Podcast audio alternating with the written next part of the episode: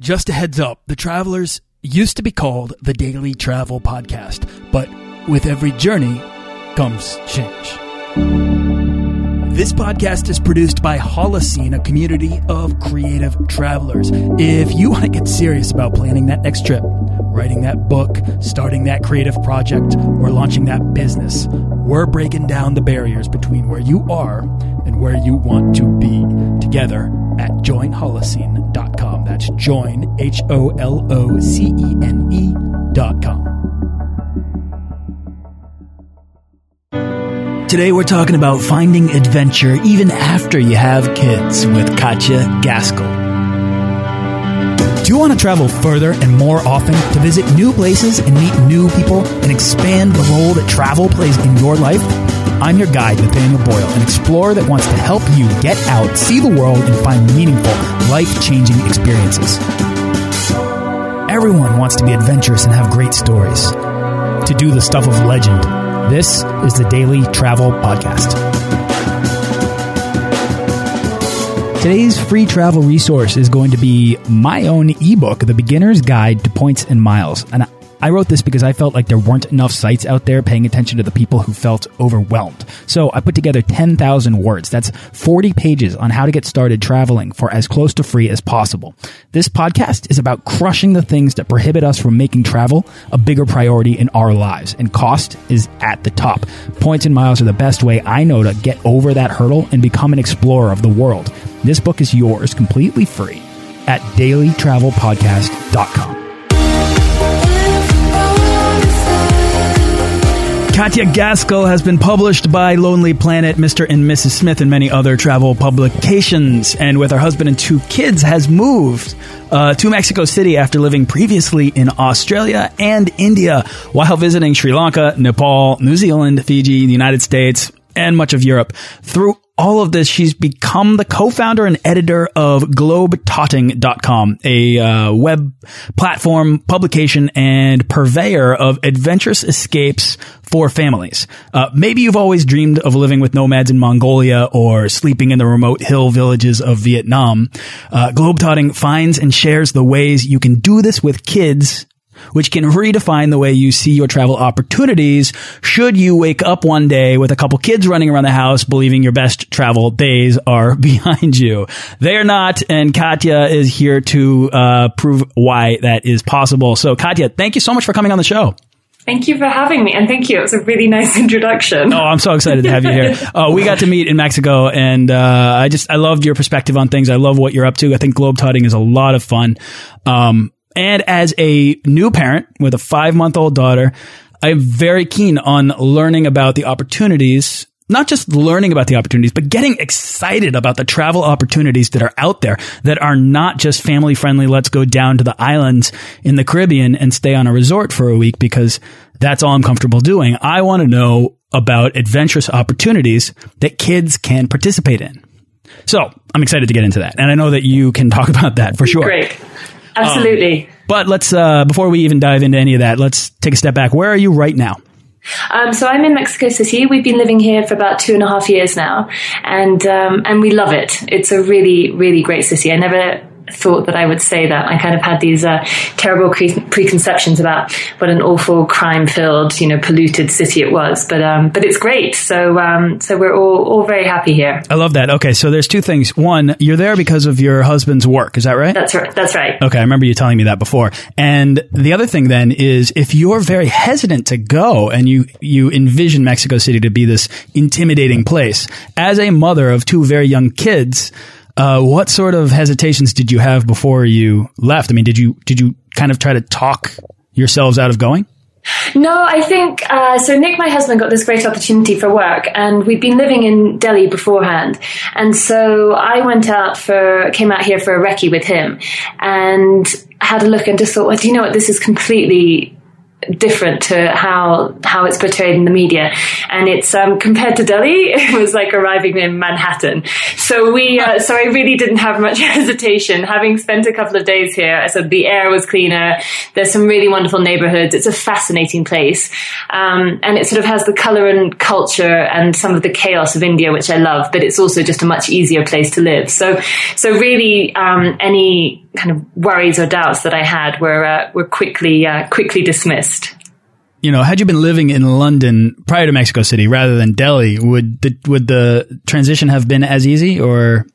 Um, I think I think it would have done. I mean, I'm quite um, open to living and exploring new places. I grew up moving around and have, so I suppose sort of, you know, travel has always kind of been in my blood and and and I love the opportunities of living in new places. And I I kind of believe that you know you can really live pretty much anywhere as long as you sort of meet some nice people and um, you know find a good place for a coffee and and uh, and life can kind of be uh, be be normal as it were. So I think that I still would have been up for the adventure, but definitely the transition was easy from Delhi because um, because it's just a much easier city to live in. Okay, so you're painting a nice picture of Mexico City, which is awesome, and you're also just exhibiting your mindset around travel and having a willingness for adventure, even as a mom, even as somebody with two kids, uh, and you know a, a marriage, which is and that's enough. I mean, uh, managing marriage through travel is that's enough of a of a conversation. We're not even going to go there today. Yeah, exactly. Kids is easier, I reckon.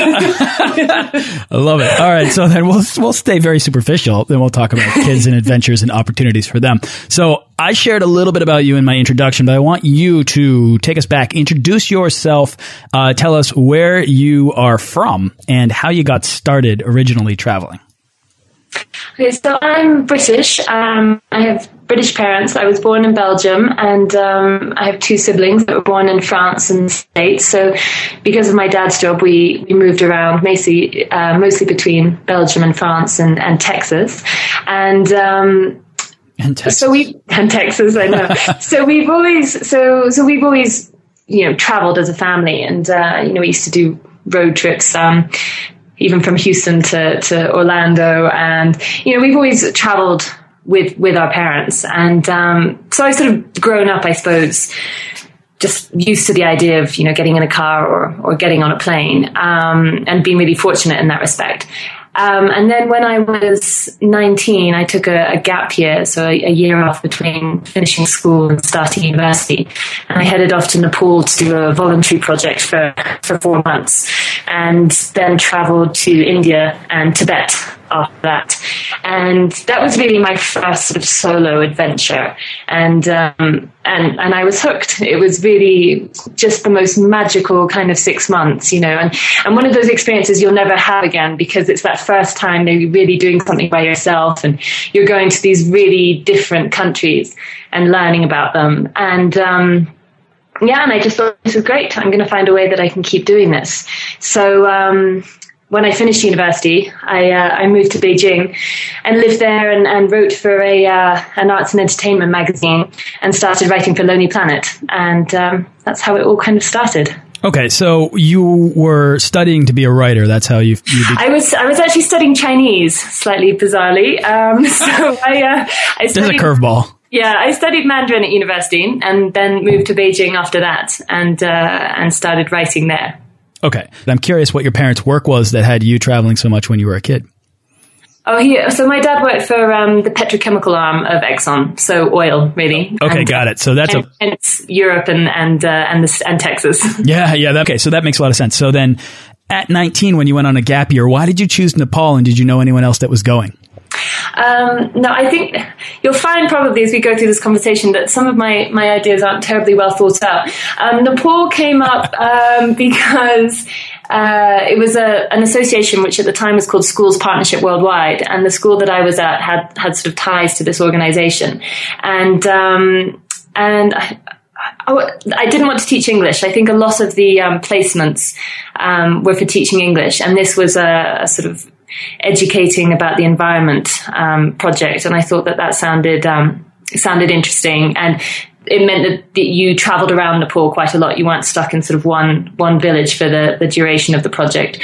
Um, so so that was it really. Um, I just thought, well, that that sounded interesting, um, and I'd give it a go. Um, so yeah, no, and and it was fantastic. I mean, I I loved Nepal, and actually got to go back just before we moved here, so about two and a half years ago, we finally went back to Nepal, which was about the first time in about 20 years, um, which was wonderful. Wow, 20 years later, what was that like? It was great. It was great. Made me feel very old, but um, other than that, it was uh, you know it was uh, it was wonderful to go back. It's such a beautiful country, and the people are so lovely. Um, yeah, it was really really nice to kind of go back and reminisce a bit. Got it. So, what was what's your connection to language? In that you're studying Mandarin in school, and then you want to go and teach English in Nepal. Um, nothing really. I, I, mean, I've always liked learning languages. Um, I sort of grew up speaking French, and um, and I think it's a, a wonderful way to, to, you know to get to know a country better.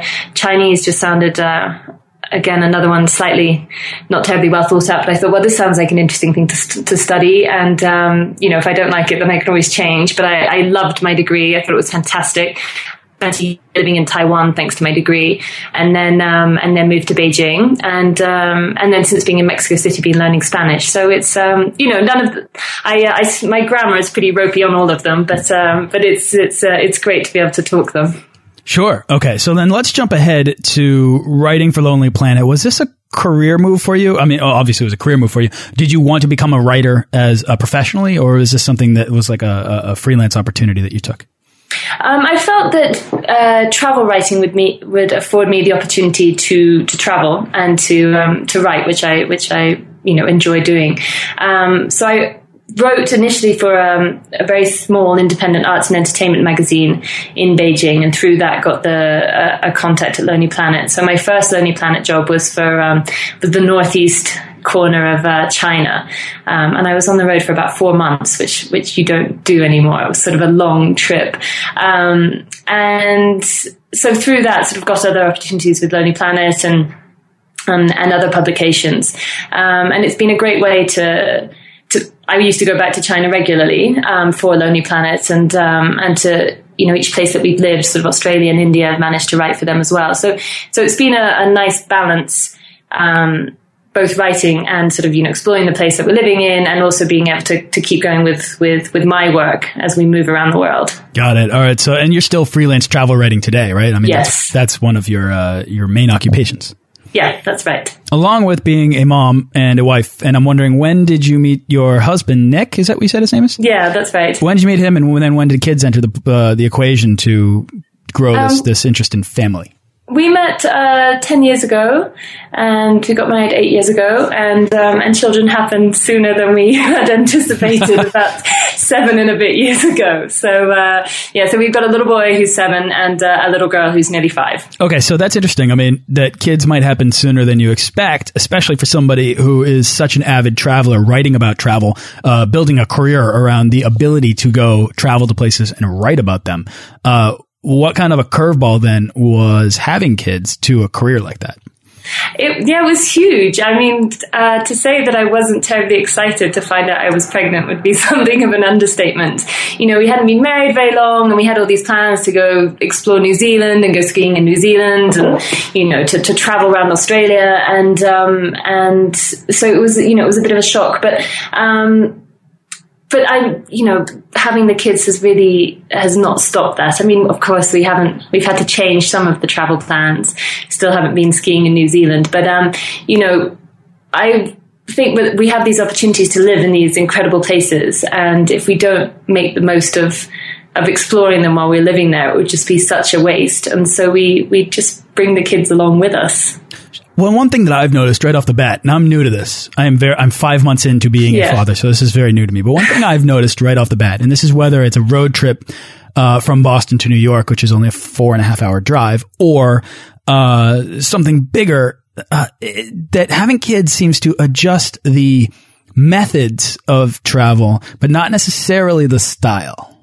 Yeah, I know definitely. I think that you I think it definitely changes. Um, I think you know there's not this sort of spontaneity. Um, you there has to be more planning and thought put into things. Yep. But I, I think that you, I think kids are incredibly adaptable, and you know if you want to go on a on a road trip or um, you know a long haul flight, um, it it might be awful, but it.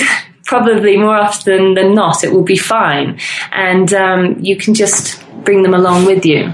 I don't know if that's answered your question at all. Sorry. No, it does. I mean, yeah. Uh, you can just bring them along with you on the trip yeah. that you want to take and the way yeah. that you want to take it. I mean, you don't have to you really don't, even though I see people do it all the time, you don't have to um, redesign the kind of trip that you want to take simply because you have kids. I mean, Absolutely. I wouldn't take, maybe I wouldn't take them trekking, uh, take a four year old trekking the Annapurna circuit. I mean, that's different. That's a different style, but uh, I guess what I mean is you can still you can still find uh, opportunities for adventure in the things you do. So I want to get into that. But when, how old were your kids or your first kid when you first started traveling with them? Um, I mean, well, Alfie, my son, his first trip was when he was about three months old because we flew back to the UK from, from Sydney to go and, and see family.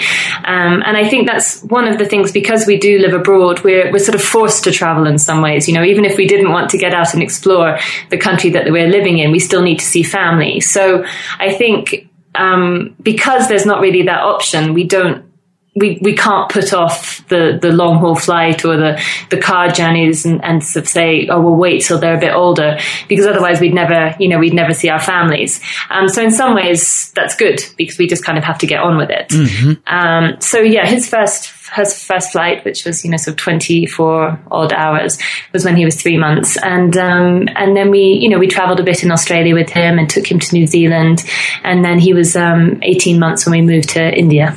Wow. All right. So all of that was before he was even two. Yeah, I know. That's amazing. Okay.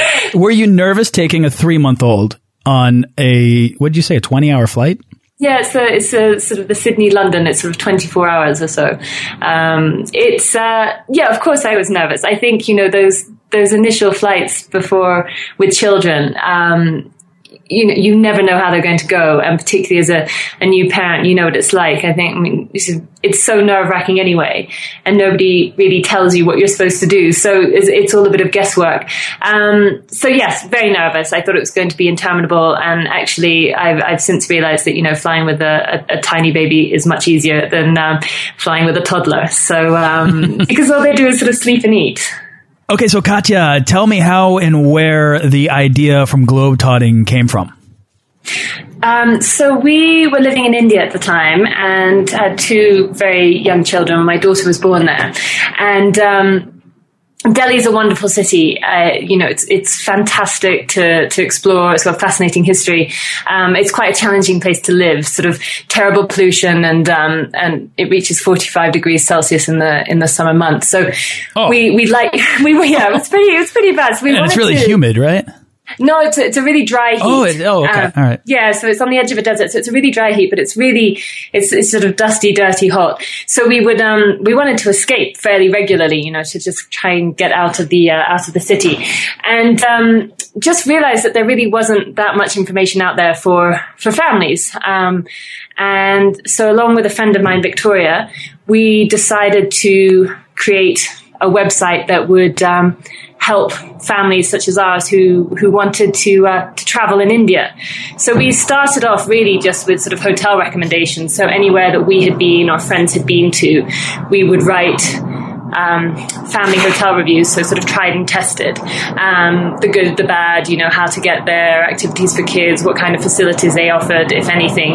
Um, and really, these were just any hotels that we thought would be welcoming for families. So not resorts or um, big chain hotels necessarily, but places that we'd been to that might just be a lovely guest house with a really welcoming owner. Um, or what was your? I'm just curious. What was your criteria yeah. for selecting that? Was it? Um, aside from not just being a chain resort, but it sounded like you were attempting to encapsulate a, a degree of experience of like of um, local experience.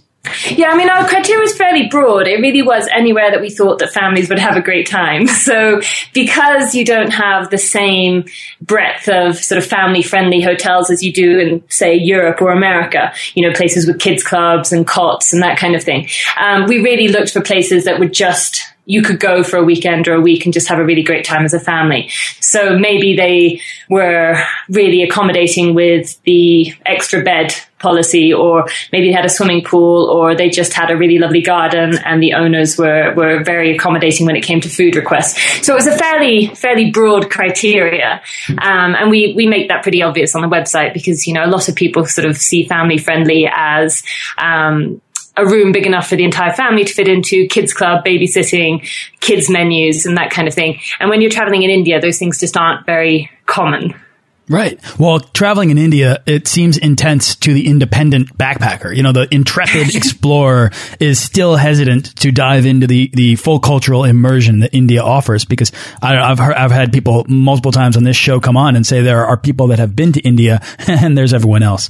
Um, yeah. and yet this idea of going there with, uh, children or infants is, uh, very intimidating because not only do they not have the infrastructure, but there's a lot of unknown. There's a lot of, uh, the potential for culture shock, I think, is greater. Um, so, uh, what were the biggest concerns that people had as that you were hearing when you were um, setting this this project up from families that wanted to go to India?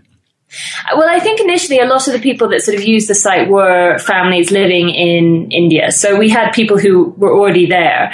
Um, but in terms of um, concerns, I think people's biggest concerns are always, you know, um, sickness and health um, and and hassle, you know, because India sort of has a, a reputation, sort of justified at points as being a, a, place where you sort of it is very intense and and people constantly trying to sell or buy or or um, want something from you. Um, but I think the biggest one, especially with younger children, is um, is health. And so, you know, we we sort of address that in the reviews. So if there was a doctor on call, doctors nearby, um, and on the website we sort of also have some health kind of posts about you know how to avoid dengue fever and those kind of things. So we try and address those those concerns. Okay, so then at what point did this go from where it is now, which is basically helping people in India travel within India with their families to something greater and to other markets? It was sort of naturally evolved as we as we travelled more, as Victoria and her family and myself and my family travelled more to sort of Nepal or to Sri Lanka. We just sort of, uh, you know, anytime we would go somewhere, we would write about it, and from there it sort of grew where other families who had travelled to say Cambodia started writing for us, and and we've really tried to to make it evolve into a sort of community of um, sort of like-minded uh, families who who love sort of holidays that are slightly different from the norm.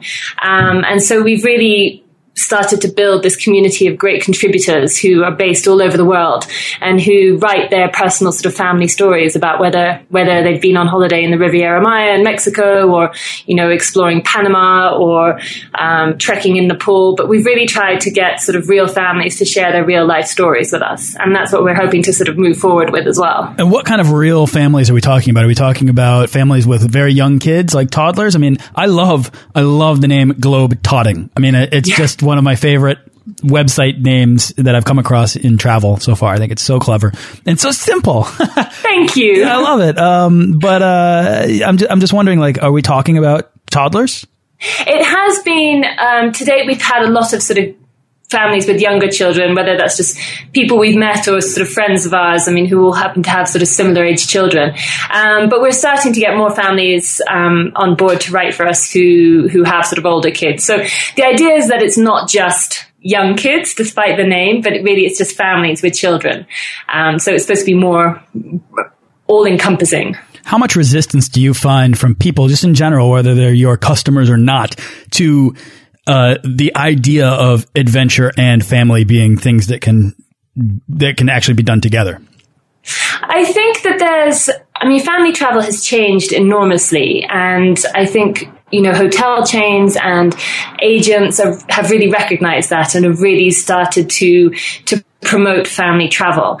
Um, and so I think that it's becoming, you know, the idea of sort of heading off with your kids is becoming more mainstream. The idea of heading off to India with your kids is still not so so common. And I think we get some occasional sort of questioning, questioning looks, but um, but on the whole, people are very supportive, you know. Um, and even if it's not something that they might do, they're uh, you know they're they're interested in it. Sure. Okay. So I mean, I'm looking at your website right now, and uh, there's just really like wonderful pics of who I think are, are your family here, um, and uh, or maybe it's other families as well. But can you give me a good example of an adventure that you've been on with your family that when you share the story with people, they get a little wide eyed, or they might actually think, "Wait, you can do that with kids."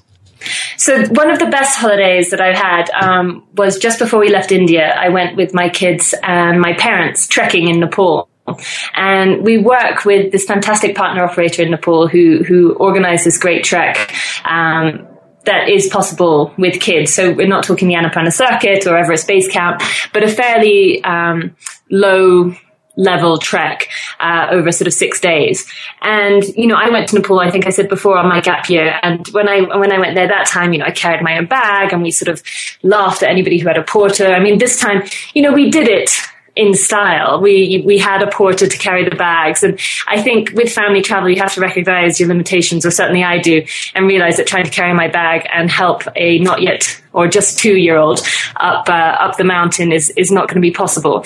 Um, but it's really it was really one of the best holidays we've ever had. Um, my son, who was sort of four and a half, walked the majority of the way. We had a wonderful porter who carried my daughter in a backpack, and um, it was it was a proper adventure, and uh, you know, and just an amazing time together. That's I think that's what I meant when when I said earlier that the style of travel does not have to change. You can still go trekking in Nepal. However, the methods with which you do it are going to be adjusted because, yeah, maybe you need to attend to children instead of you know the the weight of your backpack on your own back um, and that is a that's a distinct difference but it still doesn't sacrifice uh, or compromise the adventurous experience that's waiting for you Absolutely. No, absolutely. I agree with you. Very cool. So where is Globetotting today now that you've grown this uh, community of contributors and it looks like you've uh, expanded to uh, at least half a dozen countries?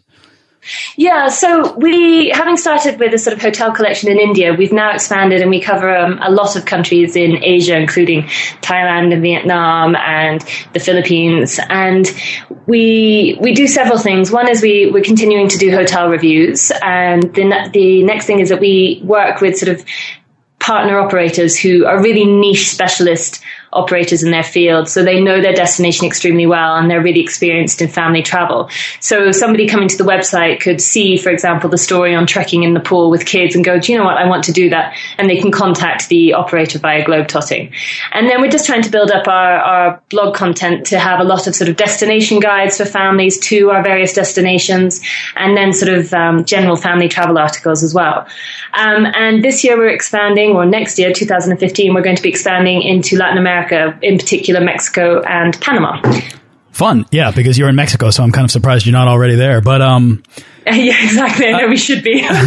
in due time, in due time. So let me be really clear then about what globetotting is, in case anyone's listening and they're kind of um, uh, gray at all on it. But uh, you guys are effectively um, you're leveraging your writing ability and your and your your travel knowledge and intel and that of your network to curate and then become purveyors of family adventure. Um, and you're working with tour operators that you trust to take families on these trips that people otherwise, at least in my mind, might not think are trips that families can, can ever do. Exactly. I mean, we really uh, want to be a sort of portal for adventurous family travel. So people can go on the site and whether it's just looking for a hotel recommendation in the Philippines or they want sort of an inspirational story about a, a family holiday in Costa Rica, or they're looking for some more practical information and thinking, do you know what? I really want to go to uh, Panama, but I'm just not sure how to organize it myself and I don't feel entirely comfortable. Um, then they can look and see who we recommend um, to book a holiday through. I love that. And it's the kind of thing that I, as a new parent, am very keen to learn because I want to not just continue my travels and my adventures, but, you know, and I've, Katya, I've, I've traveled actually, I don't know if I'm proud to admit this or not. I think I am, but I traveled every month since my daughter's been born, which, which has meant that I've had to step away and it can become very sort of excruciating or agonizing to depart when you're, especially when your kid's so young and they're changing like every, yeah. every day. It's like something new happens and you feel like you're missing that if you go away for a weekend. It's insane. But, you know, so right now I have this thing like, how do I reconcile this problem? I need to take, I need to take my, my, my uh, daughter or my family with me on trips. And yet I still want to maintain this sense of like, I'm an independent traveler. I love to go out and have adventure and experience and and I seek, I talk, this show is all about transformational experience. So for me, this, this is a problem I am trying to solve. That's why I wanted to have you on to kind of rattle, rattle about the realities of how it's still possible. Yeah, and absolutely. I mean, you know, I think kids make fantastic travel companions. And we, uh, it's not to say that every trip has been wonderful. We have had some terrible trips that I kind of wish we'd never left home. But, but for the majority, we have had just really, really great experiences. And I think kids, they just, they make you slow down. You don't sort of travel at quite such a hectic speed as you might when you were by yourself or just traveling with a partner. Um, and they make you see the sort of sounds a bit cliched, but the sort of the magic in the mundane. So Yes. things that you might find really unexciting or not terribly new that they they just are bowled over by. And I think that kind of enthusiasm is infectious. Oh, I, Um, I completely agree. To be able to see the world through uh, the childlike sense of, of wonder is why I think a lot of people travel to begin with. But when you can actually look at someone and project through them what they're experiencing, it's a little kid that's like, "Whoa, let's check it." I mean, that's it's the same sort of thing with Disney World. Like a lot of people say, Disney World's so much better when you go with kids because they respond in this like amazing way. But it's the same way wherever you go. If you go to the Eiffel Tower, the the, the reaction can can compel you to care more about where you are. Absolutely. I mean, and on the flip side, you can take them to some sort of great Mayan ruin, and they could be bored out of their minds. So, I mean, it doesn't it doesn't always work. But um, but I no, I think that they they really they can be great fun to travel with, and also having kids really um, opens a lot of doors for you. People are so receptive to to when you travel with children. So, you know, we've had like India. Really, people were just so wonderful to us because we we traveled with these little kids, and so we kind of escaped the hassle and and a lot of the the attention that perhaps you get when you're, you're traveling solo or you know just uh, with friends. Um, and people were very very helpful. I love that. Plus, on top of all the things that we're talking about, you get to give your kids the gift of travel and experiencing the world, which has to be a completely rewarding experience. It's something I'm looking forward to doing for my daughter. Absolutely. All right, Katja. So uh, I want to run you through the travel advice lightning round. Are you ready to go? Okay, let's go. All right, it'll be it'll be a lot of fun. Katja, for a lot of people, taking that first step out the door, it can be the hardest part of travel. So, what's your advice for anyone that's dreaming to take the first step to becoming a world traveler? I think start with something close by, particularly if you're traveling with kids and you're nervous about about going away with them. You know, start with a day trip, and then if once that's gone well, start with an overnight trip. You know, just go a couple of hours away. Like, just start with something. Realize that it's entirely possible, and um, and then you can broaden your comfort zone. Yeah, and you can also acclim uh, acclimatize yourself to the the differences, the things that you know are new challenges on the road, like diaper changes. Exactly. exactly. Exactly. All right. So the biggest hurdle for most people and families who want to travel more, this is especially true for families, is cost. Do you have a secret money saving tip or a travel hack? I mean, I think that there's two things. One, obviously, if you do fly um, internationally, or long haul or, or nationally, you know, miles are invaluable, especially when you do have a family. Um, traveling off peak, if possible, not during the school holidays, and always looking out for discounts and, and sales. But I would also say that, you know, travel doesn't have to be the other side of the world. Just look for places that are, are kind of closer to home. You know, we're surrounded everywhere that we live by interesting and unusual places. So um, you don't have to go on a 14 hour flight in order to, to experience something new. And I think people sort of forget that as well. Mm, I like that. All right. Do you have a favorite internet travel tool or resource that you use? Um, Lonely Planet, obviously. um, Brilliantly uh, written. Yes, it's amazing. Um, Skyscanner for buying flat, uh, flights, and then I've really started to use um, family travel blogs so much more recently. Um, and there's some wonderful ones out there that I, I find hugely inspirational. Um, so blogs like Pint Size Pilot, and there's a wonderful one called Seven Suitcases, which is another sort of adventurous family travel. And so using using those as sort of uh, for inspirational tools are uh, invaluable. Pint sized pilot. That's cute. Uh, do you have a favorite travel book or a book that inspires your travel style? I I have two books that not necessarily inspire my travel style, but two books that um, about India that I absolutely are two of the best books I've ever read, and I find them hugely inspirational. The first is A Suitable Boy by Vikram Seth, which is one of the best books ever written, and the second is Behind the Beautiful Forevers by Katherine Boo, which um, is one of those books that you just read and think, uh, if I could write half that well, then I would be very happy. I love it. Uh, that's always I feel that way with uh, Garcia Marquez. I read through Gabriel Yeah. Garcia Marquez's work, and it's like, what's the point in writing? What like it's al- this has been done already. Um, Katja, do you have a favorite piece of travel gear that you take everywhere you go? apart from the iPad, which is invaluable when traveling with children, and do you know when we first had had Alfie, we sort of said, you know, we're not going to be one of those families that has the little DVD players. I mean, we grew up on car journeys listening to, to stories on tapes, and you know, by the second long haul flight, we had given in, and I think we we now have just a ridiculous amount of um, gadgets. But I say iPads if, with kids, if you're flying, are invaluable. Um, and then North Face duffel bags. In we have one in sort of every color, and we have one each, and they're the easiest to spot on the luggage carousel. Oh, I like that. Good thought, Katja. What was your worst travel mishap? Worst travel mishap. Um, uh, it has to be.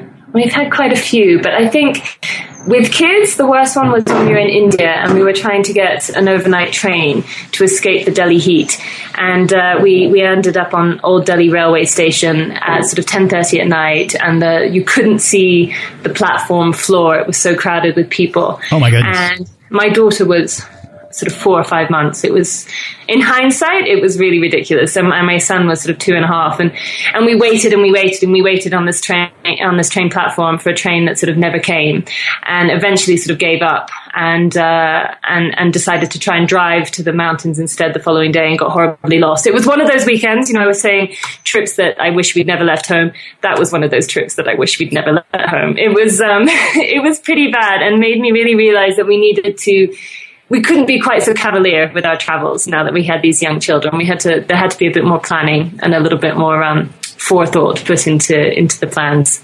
Even the worst travel mishap results in a lesson learned that you can apply towards your next things. Even if even if it didn't end up being a wonderful story and it ended up, ended up being an awful an awful trip, at least you could draw from it and uh, and fix things in the future. Uh, exactly. Katja, what's the weirdest thing you've ever eaten? Um, I've become more conservative in my food choices as I've got older. Um, I think the weirdest thing I've ever had to eat to be to be polite was when I was living in Taiwan and went to visit a, a friend's family and was served um, cow intestine and um, struggled struggled my way through that. that can be, depending on how it's served, pretty pungent yeah, it's pretty. It's yeah, not something that I would uh, would eat again. I love it. All right, is there anything else that you'd like to share before we wrap up here?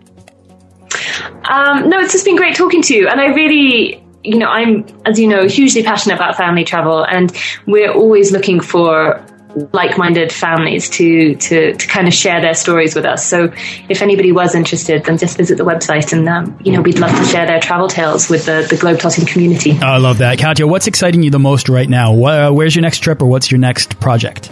I'm going to San Francisco tomorrow, not with kids, so I'm pretty excited about that. Freedom. having, having, said how much I love traveling with kids, yeah, but um, no, I'm actually going uh, going to San Francisco for a long weekend. Fun, just a fun trip, huh? Yeah, just a fun trip. Brilliant. All right, well, have a blast. Take advantage of the break. Uh, where can people go to find out more about you and Globetotting? Um, you can visit our website, which is Globetotting, so G L O B E T O T T I N G dot com, and um, and all the information's there. Brilliant. Katja, I'm so glad that I met you in Mexico, that I was able to connect. I love what you're doing, love what you're about. I'm going to link to everything that we've talked about in the show notes to this episode. And uh, yeah, I wish you luck with globetotting, and I hope that um, you know, I hope that someone listening to this can realize that adventurous travel, truly adventurous travel, go live with nomads with your family if you have them. You don't have to give it up just because you have kids, which I think is also something that people really want to do with their lives. Thank you. No, it's been such a pleasure, and um, yeah, likewise. Just uh, just great to meet you in Mexico. Thanks for listening to this episode of the Daily Travel Podcast. For show notes and links to everything in this episode and more, head on over to dailytravelpodcast.com. Join our Facebook page of explorers and subscribe to our newsletter for the best deals and resources to help make your next trip life changing.